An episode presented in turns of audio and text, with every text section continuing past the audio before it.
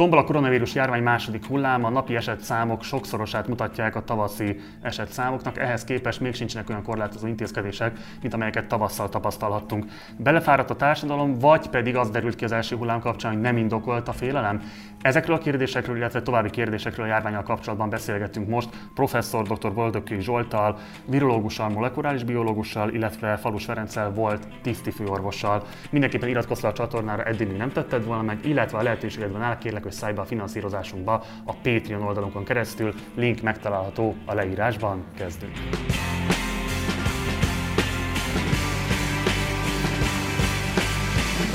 Köszöntelek benneteket a műsorban, köszönöm szépen, hogy elfogadtátok a meghívást. Amióta elindult az új évadunk, ez az első interjú, amelyben maszkot viselünk a vendégeinkkel. Mm. Ez a kifejezett kérésetek volt, hogy csak így vállaljátok az interjút. Ennek alapvetően edukatív PR okai vannak, vagy ténylegesen jelen helyzetben is kiemelt vírus kockázattal járna, hogyha levennénk a maszkot?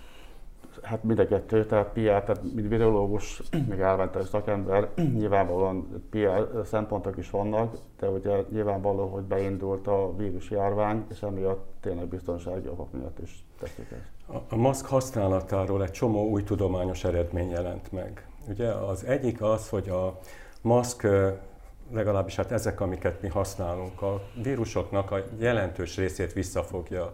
Tehát én nem ürítek annyi vírust, mint hogyha a maszk nem lenne rajtam, és nem is kapok annyi vírust. Tehát engem is véd tulajdonképpen a maszk, és a környezetemet is védi, és ez különösen fontos zárt térben. Most a legújabb, ami ebből a szempontból jelentős, hogy egy olyan ismeret került elő, amit lényegében egy részét már tudtuk, hogy függ a megbetegedés attól, hogy mennyi vírus kerül belém. És ezek az új PCR vizsgálatok nem csak azt tudják kimutatni, hogy a vírusnak egy részét megtalálták-e a mintába, vagy nem, hanem azt is, hogy mennyi a kópia száma, tehát hogy mennyi vírust ürít valaki, ami arányos azzal, hogy mennyire fertőzőképes. Na most a maszkon keresztül az a kis mennyiségű vírus, ami a levegőbe kerül, vagy a más belélegzi, úgy tűnik, hogy az is kivált egy immunválaszt, és lehet, hogy ez is tulajdonképpen minket megvéd. Tehát a legújabb amerikai-német kutatások azt mutatják, hogy ha mindenki viselne maszkot, akkor kevesebb vírus kerülne ki a levegőbe, de mégiscsak lehet, hogy egy idő után valamiféle védettséget szereznénk. Ugye mi vizuális okokból azt kértük, hogy esetleg használjuk ezeket a plexi maszkokat, de ti azt mondtátok, hogy ez nem elégséges. Miért nem elégséges a plexi maszk? Szerintem érdemes tisztázni, mert valószínűleg sokan azt gondolják, hogy egyébként ez egy teljes körvédelmet nyújtó felszerelés. Érdekes volt, én Németországban voltam nyáron, és azt tapasztaltam, hogy nagyon sok öreg, főleg nénik hordják ezt a arszpajzs, azt hiszem így hívják, maszk nélkül. De hát ugye logikusan is, meg tanulmány is jelent meg róla, hogy igazából ez csak a direkt mondjuk tüsszentés ellen védhet meg, egyébként meg nincs értelme. De a maszkal együtt van értelme, a mert nem tudok az arcomhoz nyúlni, és a szemem nyálkahártyáját védi, mint egy védőszemüveg. Tehát a, a, az arcpajzs mellett ugye én szabadon szívom be a levegőt, és szabadon fújom ki. Itt ez a maszk, ez gyakorlatilag gátolja azt, hogy én a maszkon kívül kapjak levegőt, vagy nagyon kevés levegőt tudok beszívni a maszk mellett. Minél jobban illeszkedik egy ilyen maszk az arcomhoz, annál jobb tulajdonképpen. A maszkkal kapcsolatban még esetleg azt megjegyezném, hogy, hogy jobban véd másokat tőlünk, mint bennünket és emiatt sokan esetleg úgy gondolhatják, hogy akkor most nem is érdekel ez az egész dolog, de azért bennünket is véd. Tehát Ugye a szélesebb közvélemény valószínűleg január óta él együtt a koronavírusról érkező hírekkel. Először ugye ez inkább egy ilyen nemzetközi jelenség volt, aztán beköszöntött Magyarországon is. Ebben az időszakban, tehát az éveleje ótától kezdődően, akár egyszer is bármely csatornája közmédiának hívott-e benneteket, kérte tőletek interjút, hogy osszátok meg a tudományos nézeteiteket a közönségükkel? Én közellenség vagyok, úgyhogy ez föl sem merült. Egyszer sem hívtak téged. Zsolt? Engem hívtak, persze. Igen, többször is? Tehát többször is hívtak. Ja, a közmédia, bocsánat, egy kicsit elkalandoztam, a közmédiától nem hívtak, mondjuk a rádió egy, azt nem tudom. Az nem közmédia. Sor, Tehát a közmédiumok közül értem, sem rádió, sem tévé egyetlen sem kért tőled hát Ez érdekes, nem, nem. Van-e a... olyan ismerősötök, orvos szakmai ismerősötök, aki, vagy tudományos munkatárs bárki, akiről tudtok, hogy egyébként valóban megalapozott tudásokkal rendelkezik, fontos lenne, hogy lehessen látni őt a nézőknek mm. a közmédiumokban, és adott interjút. Nekem van ilyen ismerősöm, mm. igen. Van egy ismerősöd. Neked van esetleg? Én most nem tudok róla. Jó. Ez csak azért fontos kérdezni, mert ugye egyébként a környező országokban, és most nem csak Ausztriára gondolok, de Szlovákiában, Romániában, ugye a közmédiumoknak az esti híradóiban és a különböző hírháttérműsoraiban rendszeresen megfordulnak egészségügyi szakemberek. Ebből a szempontból Magyarország de, de ez egy érdekes dolog egyébként, bocsánat, közben, mert ugye a kormánypolitikával nem is menne szembe, hogyha hívnának ezek az embereket. Tehát... Én azért nevetek itt a maszk alatt, mert az az ismerősöm, aki az m szerepel, az pszichológus inkább, és nem... Tehát nem járvány hát a járványal kapcsolatos ügyekről nyilatkozott, vagy erről kérdezték, de hát mégsem tipikusan a, mondjuk az orvos szakma képviselője. Akkor töltsük be azt a funkciót, amire egyébként valószínűleg szüksége lenne a polgártársainknak ahhoz, hogy megalapozott és hiteles információk jussanak a járvány második hullámáról. Amit most olvasok fel, ugye ez szeptember 16-a van most, amikor felvesszük ezt az adást, ez 17-én kerül ki, tehát 16-ai adatokat tudok ismertetni. Ugye a koronavírus.gov.hu központi kormányzati oldalán most 581 újabb állampolgárra mutatták ki a új koronavírus fertőzést, és ezzel 14.460 főre nőtt a hazánkban beazonosított fertőzöttek száma, elhunyt 8 krónikus beteg, az elhunytak száma ezzel 654 főre nőtt, 4500, 4153 pedig már meggyógyultak, az aktív fertőzöttek száma 9653 fő. Mit lehet elmondani a járvány mostani terjedéséről, mit lehet elmondani ennek a második hullámnak a karakterisztikájáról? Ha megengeded, én készültem egy pár friss adattal, és szeretném elmondani, hogy engem azt hozott izgalom, hogy a miniszterelnök azt mondta, hogy addig, amíg a halálozás szám nem fog növekedni, addig nem hozunk semmiféle intézkedést és ez engem eléggé izgalomba hozott. Szeptember 1 és 15 között 35-en haltak meg eddig, ami kevesebb lényegesen, mint az április 15 és 30 közötti 130, 181 halott, de mégis a tendencia ahhoz képest, hogy hányan haltak meg júliusban és augusztusban, én szerintem már aggasztó. Háromszor annyian vannak kórházban szeptember 1 óta, mint amennyien szeptember 1-én voltak, két és félszer többen kerültek lélegeztetőgépre, és ami a legaggasztóbb, hogy szeptember 3-a óta 5% alá nem került a pozitív minták aránya. Tehát az egészségügyi világszervezet azt írja elő, vagy azt ajánlja, tulajdonképpen figyelembe véve a szegény országokat is, hogy annyi, mintát kell, annyi mintázást kell végezni, annyi tesztet kell végezni, hogy a pozitivitás arány 5% alatt legyen. Na most ez nyáron volt 0,1, 0,2, 1 körüli, tehát tulajdonképpen meg, meg tavasszal, amikor a lazításokat elkezdték. Ez most úgy néz ki, hogy szeptember 3-a óta nem ment 5% alá, ma se, akár mindegy, hogy 11 ezeret vagy 8 ezer vizsgálatot végeznek, és a csúcs 8,4% volt, ami az egész járvány idején a csúcs. Egy nap volt, amikor egy idős otthonból nagyon sok beteget bevittek és keveset mintáztak, akkor 9,9% volt. Tehát nagyon aggasztó ez a magas arány, ami azt mutatja, hogy jelenleg a, mondjuk hát legalább háromszorosára megnőtt a mintázás száma is a korábbiakhoz képest, ez is kevés. Tehát az a heti körülbelül 70 ezer teszt, amit most hivatalosan elvégeznek, az még mindig kevesebb, mint az én szerintem jelenleg a nemzetközi jó gyakorlat alapján szükséges lenne 100 ezer tesztet végezni hetente, és föl kellene készíteni az országot arra, hogy az influenza járvány idején ezt 150 ezerre lehessen növelni, és majd ki fog derülni, hogy az elége vagy nem. Egy pillanat, még kérlek, mi most a tesztelési kapacitása az országnak? Ugye az korlátlan, van, valaki... Korlátlan. Nevez, ezt én mondhatnám, ugye? Vagy te Rengeteg magáncég van, aki tudja ezt csinálni. Mert bocsánat, arra lehetett olvasni híradásokban, hogy ilyen 8-10 ezer közötti a maximális kapacitása per nap. De ez nem igaz. Ez egyszerűen nem igaz. A Nébiknek a kapacitását nem vették igénybe, ez a Nemzeti Élelmiszerbiztonsági Lánc. Egyszer egy rádióval ezt meg is kérdeztettük tőlük, azt az udvarias választ küldték, hogy hát nem kaptak ilyen felkérést. Nagyon sok olyan laboratórium van az országban, aki a PCR vizsgálat elvégzésére alkalmas, és nagyon rövid idő alatt akreditálhatók lennének ezek. És igaz, hogy valamelyest emelkedtek az ehhez szükséges vegyi anyagok és, és ilyen pipetták és egyebeknek az ára korábban, de ez nem lehet oka annak, hogy ne lehetne több vizsgálat. Tehát egy is számomra ismeretlen az az ok, hogy a kormányzat az első időben gátolta a vizsgálatokat, utána engedélyezte a magánlaboroknak a bevonását, utána pénzesítette, most pedig ahelyett, hogy ingyenessé tenné a vizsgálatokat, azt mondja, hogy majd hatósági árat szabok. Az, hogy egy tesztet hagyom, hogy az én torkomba, orromba turkáljanak és levegyék, az nem az én érdekem. Én tudom magamról, hogy én egészséges vagyok, vagy a beteg, az a többieknek az érdeke, tehát teljesen jogos, hogy az én adomból fizessék ki ezeket a teszteket mindenkinek, aki hagyja magát tesztelni. És akkor tegyük hozzá azt, hogy nagyon remélem azt, hogy rövid időn belül lehetőség lesz ennél kellemesebb vizsgáló módszerekre, tehát a nyáltesztekre nek a bevezetését várom rövid időn belül, és a Magyarországon nincs kihasználva annak a lehetősége, hogy csoportos tesztet lehessen végezni. Pont Szegeden dolgozták ki többek között ennek a metodikáját. Az, az szerintem egy nevetséges dolog, hogy kimegy a családhoz a mentő, egy embertől leveszi a, a tesztet, és a többieket nem tesztelik.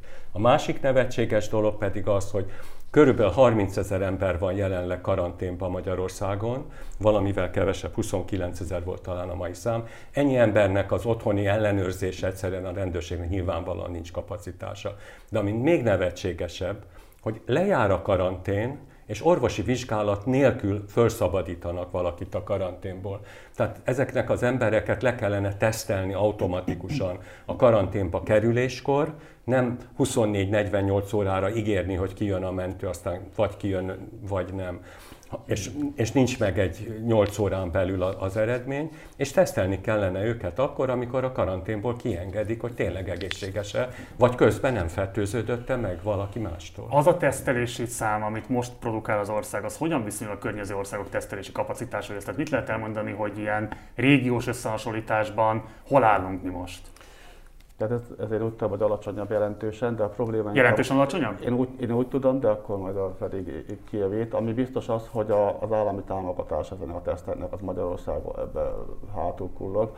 Ha lehet, egy kiegészíteni még egy rövid mondattal a előző témát, tehát az, hogy a fertőzöttek számáról, amikor arról beszélünk, ez nem egy túlságosan informatív adat, mert attól függ, hogy milyen, mennyi PCR-t vizsgálnak. És az, hogy hányan kerülnek kórházba, hányan kerülnek lélegeztetőgépbe, és hányan halnak meg emiatt, az a sokkal informatívabb adat, és még azt dolgot tenném hozzá, hogy ugyan kisebb, a, alacsonyabb az elhalálozásoknak a száma, Viszont ugye tudjuk, hogy nyáron elsősorban a fiatalok kapták el ezt a, a, a betegséget, és most jön majd az idő, amikor hazaviszik őket. Tehát a háttérben valószínűleg egy, nagy, egy jóval magasabb fertőzöttségi arány van, mint ami ősszel, mint ami ősszel volt, a tavasszal volt, bocsánat, és hát attól lehet félni, hogy valami hasonló dolog fog bekövetkezni, mint például Floridában, ott ugyanez volt. Erről mindjárt fogunk majd beszélni egyébként. Élő Anitának volt a válaszolni egy kiváló cikke arról, hogy hol állunk most igazából. Ő úgy vezette fel ezt a cikkét, hogy éles koronavírus gyakorlatot tart az ország, és a fertőzések száma olyan tempóban nő, mintha egyáltalán nem lenne járványügyünk. Mit tudunk most jelenleg erről a vírusról? Ahhoz képest, amit fél évvel ezelőtt az első hullám idején kellett tudásokból építkezni, akár a járványügynek, akár bárki másnak, ehhez képest mennyivel megalapozottak most az ismereteink? Mit lehet elmondani a Covid-ról. Tehát amikor ez a járvány majd le fog csöngeni, már, már pedig le fog csöngeni valamikor, akkor majd elég sokat fogunk tudni, de ez a, ugye a járvány még folyamatban van. Többet tudunk, mint amikor elindult, de nagyon sok dolgot nem tudunk ezzel kapcsolatban. Kezdve attól, hogy tudunk-e mondjuk egy hatékony, hatásos vakcinát egyáltalán előállítani ellene, azt tudjuk nagyjából, hogy hogyan fertőzi a sejteket, most már azt is tudjuk, hogy a, milyen mutációs rátával rendelkezik, de a járvány kimeneteléről beszéléseket tudunk adni például, de igazából ez nem egy kemény tudomány, hogy így mondjam. Akkor másképp kérdezem, például az a hír, ami most már többször is előkerült, mi szerint a fertőzöttség nem biztosít immunitást, ezt megalapozottan ki lehet most már hát jelenteni? Ez... Tehát újra fertőzöttség igen. bárkinek kialakulhat, aki átesett már rajta? Ehhez annyit tennék hozzá, hogy ez az a vírus, amit az egész kutatói világ vizsgál jelenleg, a influenzát, meg más vírusokat nem vizsgáltak ki. Tehát elképzelhető, hogy ott is vannak ilyenek, hogy valaki megfertőződik, de nem alakul ki súlyos betegség, és akkor utána újra fertőződik. De van egy ilyen dolog, igen, hogy, hogy a fertőzés is, meg a vakcinálás is nem okoz hosszú távú védelmet. Itt hát ugye tehát vannak ezek a immunglobulinok, és akkor ott ugye az van, hogy a immunoglobulin A az, ami a nyálkahártyába termelődik, tehát az ország bélcsatorna, hogy az nem elegendő meg a, a többi antitest is, és hamar lecseng. Ezt igazából nem lehet tudni, hogy hogy, hogy hogy lesz ez pontosan. Rengeteg publikáció van, sokszor egymásnak ellenmondó tények vannak. Az, hogy néha van egy-egy kivétel, egy-egy ritka eset, az, az, az nem jelenti azt, hogy ez egy általános dolog. Azzal lehet ezt az utóbbi időben olvasni az irodalomban, és valószínűleg ennek van valami realitás, hogy ugye 8 hónapja körülbelül tudunk erről a betegségről. És ez alatt a 8 hónap alatt mégis rettentő kevés betegről tudunk, aki újra fertőződött, és ezek is nagyrészt anekdotikus esetek. Tehát én egyre inkább amellett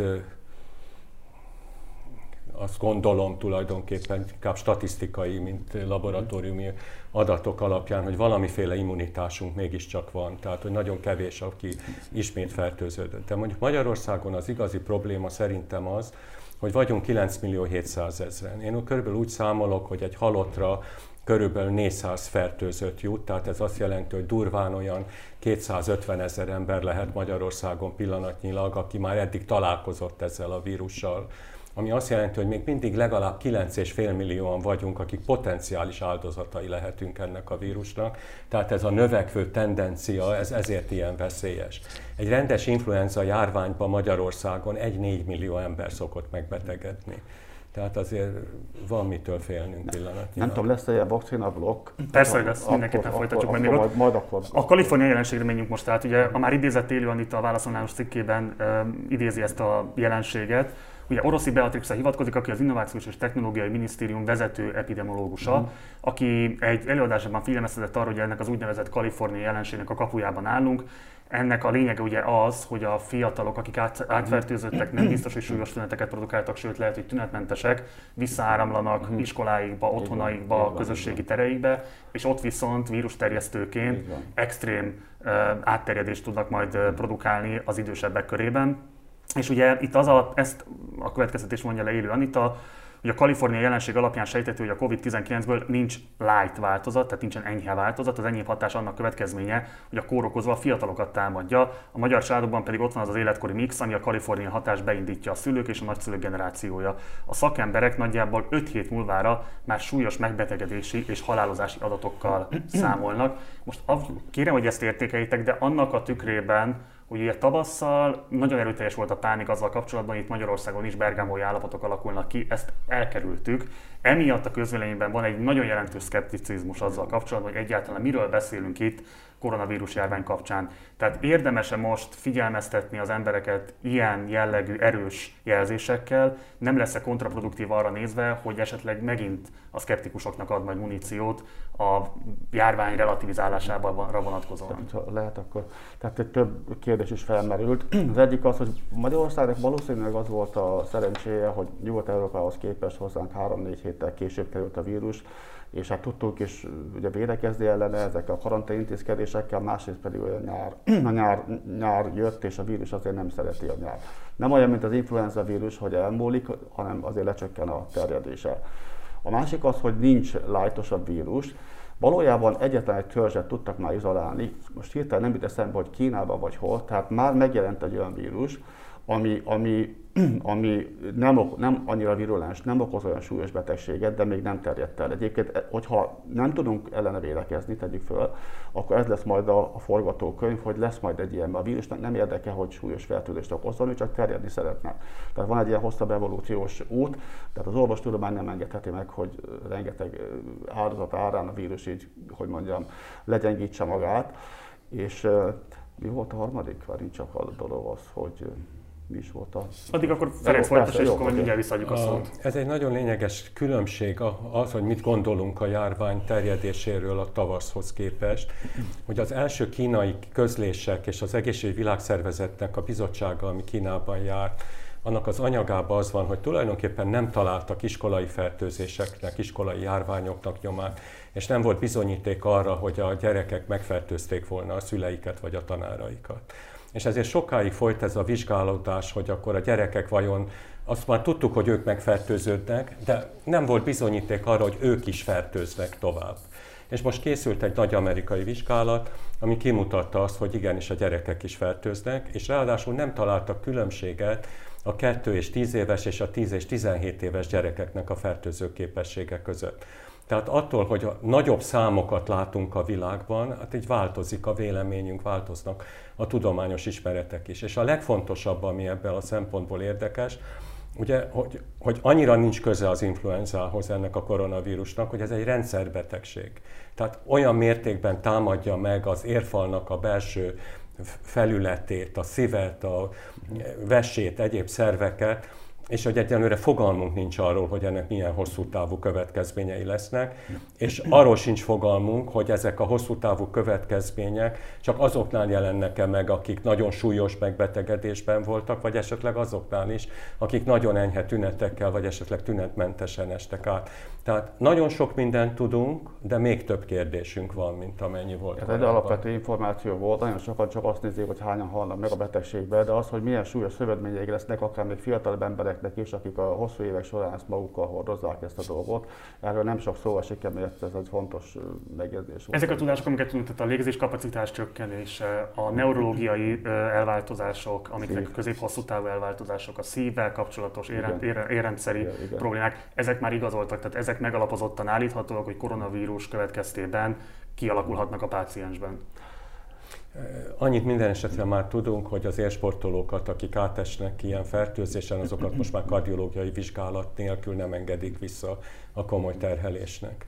Vakcina kérdés. Ugye hallottunk most már orosz vakcináról, kínai vakcinával kapcsolatban már azt is hallottuk, hogy tömeges oltásokat eszközöltek az ottani hatóságok. Mit érdemes most tudnunk erről, mit érdemes tudatosítani magunkban a vakcina rendelkezésre állásával kapcsolatos várakozásokkal? Hát kezdeném egy kicsit előrébb. Tehát amit tudunk, amit tudunk bizonyítani, azok mondjuk az állati koronavírusok. Az a helyzet, hogy az állati koronavírusoknál elég rossz tapasztalataink vannak. Például a macska koronavírus ellen egyszerűen nincs hatásos vakcina.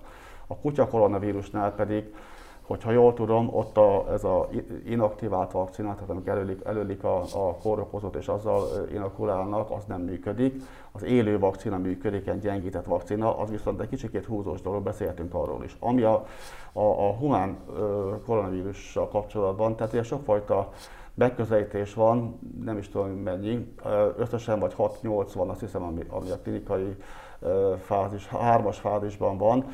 Itt vannak újszerű megoldások is, tehát lehet, hogy emiatt az állati modellek nem biztos, hogy jók. Tehát vannak olyan újszerű megoldások, például, hogy RNS-t, RNS-sel vakcinálunk. Kétfajta RNS is van, nem akarok túlságosan szakmázni.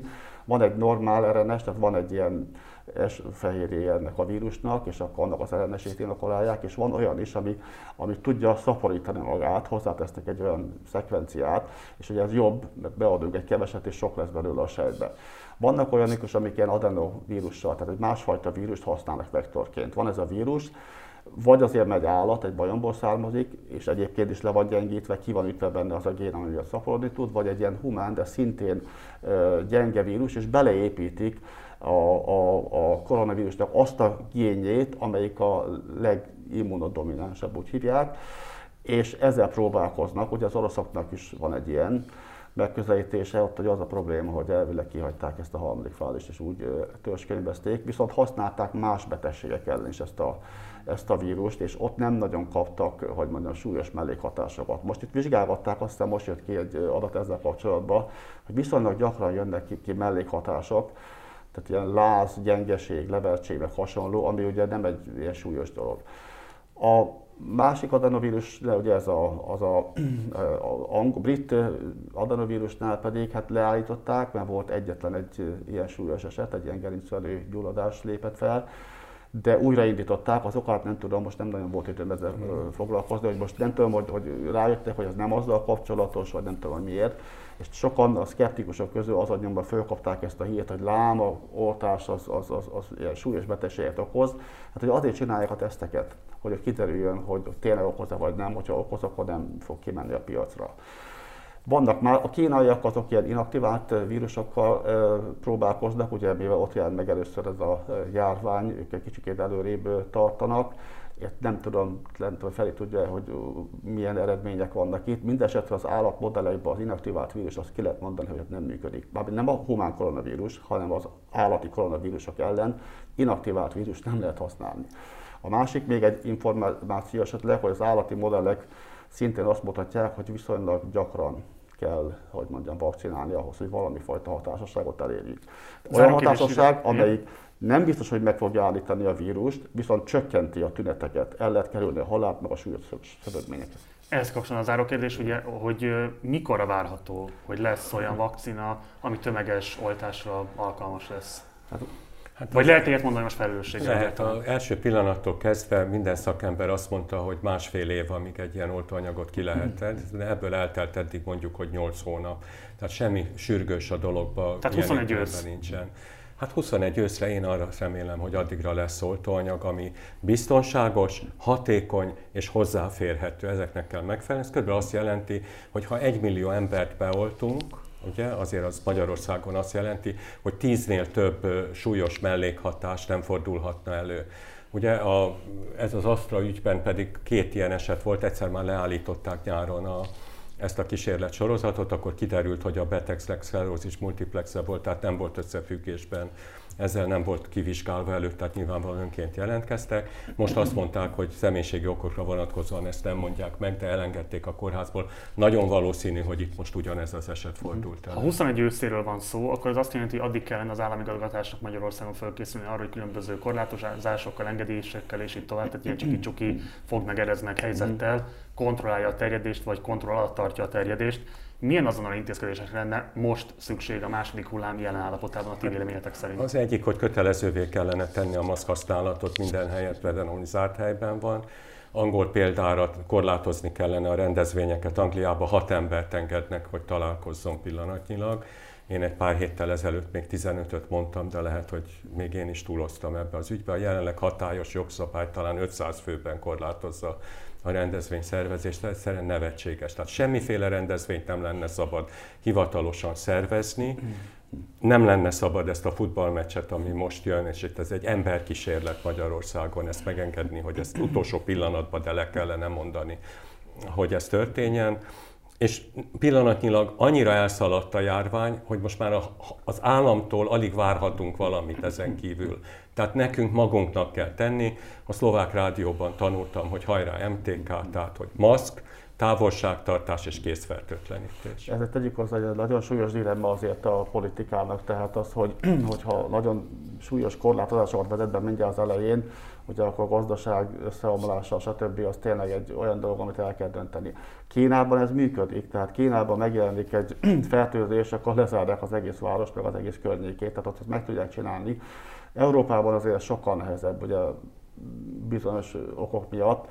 Úgyhogy most, amit a kormány, igazából nem csak a magyar, ez egy európai, hogy mondjam, hozzáállás, úgy, úgy látom, hogy amikor szitták a svéd modellt, most attól egy drasztikusabb, hogy mondjam, még kevesebb korláttal indulunk, de abban is biztos vagyok egyébként, hogyha, hogyha indokolt lesz majd a helyzet, akkor ez fog változni. Tehát ez egy érdekes dolog. Foglalkozunk utolsó körben a szkeptikusokkal, nem a vírustagadókkal, nem a járványtagadókkal, hanem a szkeptikusokkal. Ugye, ha mondom, a vírustagadókat nem is számítjuk, ugye a szkeptikusok részéről megalapozottnak tűnik a féle, vagy az állítás, hogy legrosszabb esetben is tízezerek megbetegedéséről beszélhetünk. Jelent ez valódi közegészségügyi kockázatot, és ha igen, akkor miért? igen, nagy közegészségi kockázatot jelent, de tegyük azt hozzá akkor már egy, egy ilyen definíció szerűen, hogy a vírus tagadó, ezt általában a média úgy használja, hogy vírus szkeptikus. Nagyon kevés olyan ember van, aki magának a vírusnak a létét tagadja, hanem inkább a, a járványnak relativizálásról van szó inkább.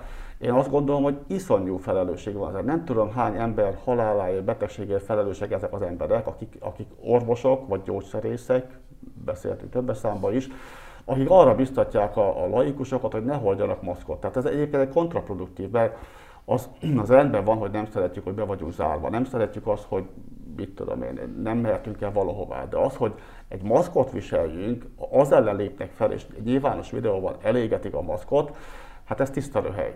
Tehát tehát az a helyzet, nem, nem, nem lehet számokat mondani, de elképzelhető, hogyha betartanánk a maszkviselést össztársadalmi szinten, meg ugye a kis távolságtartás, kézmosás, stb., lehetséges, hogy ki tudnánk húzni a, a, a vakcináig, vagy a, vagy a gyógyszerig úgy, hogy ne legyen komoly, hogy mondjam, probléma. Azt mondom, hogy lehetséges. Ez kéne, hogy mondjam, propagálni, hogy húz, hogy, hogy, hogy hordjuk. Azt mondani az embereknek, akikkel lehet beszélni, akikkel lehet beszélni. Jó, nem hiszitek el, hogy komoly a járvány. A mi kedvünkért hordjátok a maszkot, mert hogyha nekünk van igazunk, és nem hordjátok, abból komoly probléma van. Ha meg nektek van igazatok, akkor meg felvetétek a maszkot, és de hadd játszani egy kicsit az ördög ügyvédjét, hogyha tényleg arról van szó, hogy teljesen nyakló nélkül elkezd terjedni a vírus, és azt állítják ezek a szakemberek, vagy ezek a különböző nyilvánosságot alakító személyek, hogy itt azért maximum néhány tízezeres megbetegedésről van szó. Mivel lehet száfolni, vagy mivel lehet érvelni ez ellen? Hát a néhány tízezer az a kérdés, hogy az sok-e vagy kevés kinek. Tehát, hogyha egy évben Magyarországon ebben a járványban mondjuk plusz 30 ezer ember meghal, akkor az kérdés, hogy sok-e vagy kevés. Nekem sok mert ezek megelőzhető halálozás lenne, tehát gyakorlatilag Magyarországnak a lakossága így is csökken. Tehát, hogyha most azt engedjük meg, hogy egy év alatt 30 ezer helyett 60 ezerrel csökkenjen a lakosság, hát ez nekem igenis nagyon sok. Tehát azzal szoktak érvelni, hogy ez nem több, mint egy hagyományos, szokásos, szezonális influenza járvány.